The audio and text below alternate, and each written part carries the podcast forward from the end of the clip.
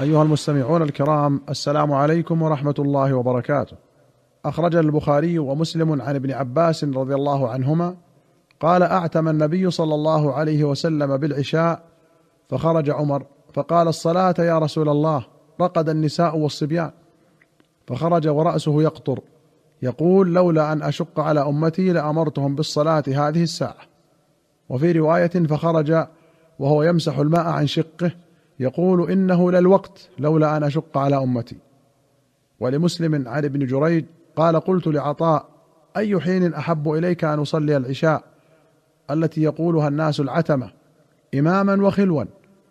قال سمعت ابن عباس يقول أعتم نبي الله صلى الله عليه وسلم ذات ليلة العشاء حتى رقد ناس واستيقظوا ورقدوا واستيقظوا.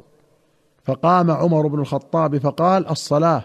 فخرج نبي الله صلى الله عليه وسلم كأني أنظر إليه الآن يقطر رأسه ماء واضعا يده على شق رأسه. قال لولا أن يشق على أمتي لأمرتهم أن يصلوها كذلك. قلت لعطاء كم ذكر لك أخرها النبي صلى الله عليه وسلم ليلة إذ؟ قال لا أدري. قال عطاء أحب إلي أن أصليها اماما وخلوا مؤخره كما صلاها النبي صلى الله عليه وسلم ليلة إذ.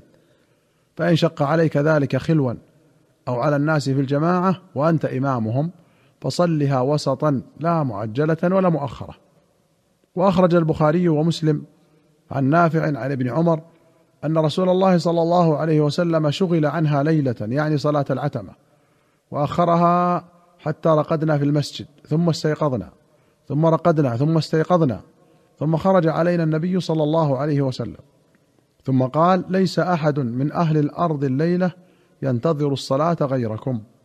وكان ابن عمر لا يبالي قدمها أو اخرها إذا كان لا يخشى أن يغلبه النوم عن وقتها وقلما كان يرقد قبلها. هذه رواية البخاري.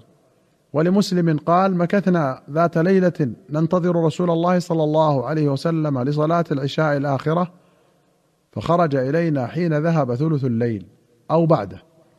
فلا ندري أشيء شغله في أهله أو غير ذلك. فقال حين خرج إنكم لتنتظرون صلاة ما ينتظرها أهل دين غيركم.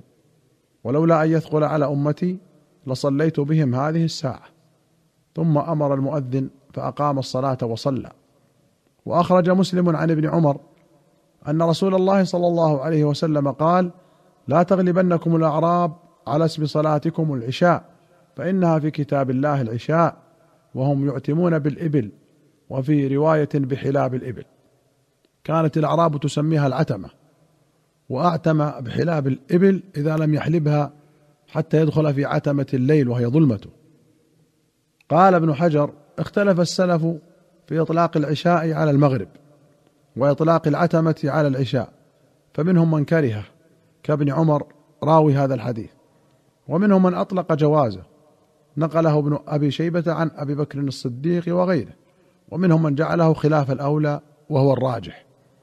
ولم يثبت عن النبي صلى الله عليه وسلم إطلاق اسم العشاء على المغرب وثبت عنه إطلاق اسم العتمة على العشاء. وأخرج البخاري عن أنس رضي الله عنه قال أخر النبي صلى الله عليه وسلم ليلة صلاة العشاء إلى شطر الليل ثم أقبل علينا بوجهه بعدما صلى. وقال صلى الناس ورقدوا ولم تزالوا في صلاة منذ انتظرتموها. قال فكأني أنظر إلى وبيص خاتمه أي بريق خاتمه. وأخرج مسلم عن جابر بن سمرة رضي الله عنه قال كان رسول الله صلى الله عليه وسلم يصلي الصلوات نحوا من صلاتكم. كان يؤخر العتمة بعد صلاتكم شيئا وكان يخفف الصلاة. وفي رواية كان رسول الله صلى الله عليه وسلم يؤخر العشاء الآخرة. وأخرج مسلم عن أبي ذر قال قال لي رسول الله صلى الله عليه وسلم كيف أنت إذا كانت عليك أمراء يميتون الصلاة أو قال يؤخرون الصلاة عن وقتها؟ قلت ما تأمرني؟ قال صل الصلاة لوقتها فإن أدركتها معهم فصل فإنها لك نافلة ولا تقل إني قد صليت فلا أصلي. وفي رواية فإن أقيمت الصلاة وأنت في المسجد فصل. وفي أخرى قال إن خليلي أوصاني أن أسمع وأطيع وإن كان عبدا مجدع الأطراف وأن أصلي الصلاة لوقتها. وأخرج مسلم عن المغيرة بن شعبة رضي الله عنه أنه غزا مع رسول الله صلى الله عليه وسلم تبوك. قال فتبرز رسول الله صلى الله عليه وسلم قبل الغائط فحملت معه إداوة قبل صلاة الفجر. فلما رجع رسول الله صلى الله عليه وسلم أخذت أهريق على يديه من الإداوة فتوضأ على خفيه. فأقبلت معه حتى نجد الناس قد قدموا عبد الرحمن بن عوف فصلى لهم. فأدرك رسول الله صلى الله عليه وسلم إحدى الركعتين فصلى مع الناس الركعة الأخيرة. فلما سلم عبد الرحمن قام رسول الله صلى الله عليه وسلم يتم صلاته. فأفزع ذلك المسلمين فاكثروا التسبيح.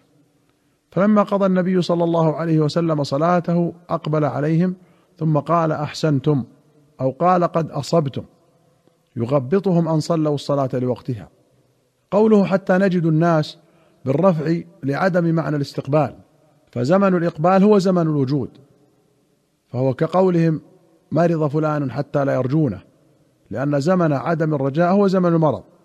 وقوله يغبطهم قال في النهاية معناه يحسن لهم ما فعلوا ويمدحهم عليه.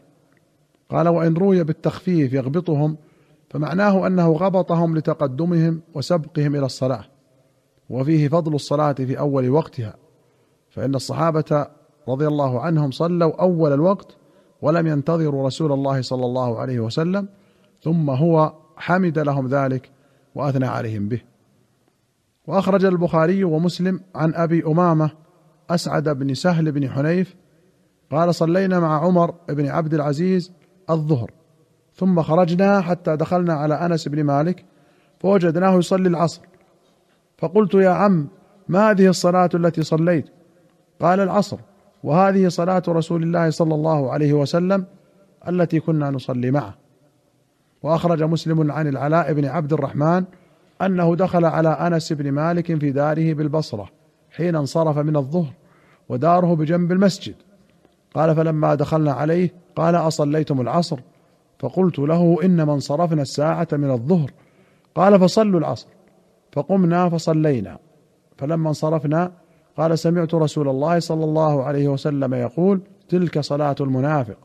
يجلس يرقب الشمس حتى إذا كانت بين قرني شيطان قام فنقرها أربعا لا يذكر الله فيها إلا قليلا. قال النووي هذان الحديثان صريحان في التبكير بصلاة العصر في أول وقتها وأن وقتها يدخل بمصير ظل الشيء مثله.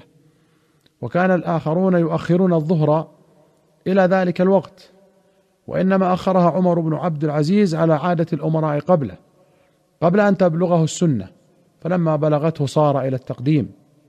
ويحتمل أنه أخرها لعذر وكان هذا حين ولي المدينة نيابة لا في خلافته لأن أنس رضي الله عنه توفي قبل خلافة عمر بن عبد العزيز بنحو تسع سنين.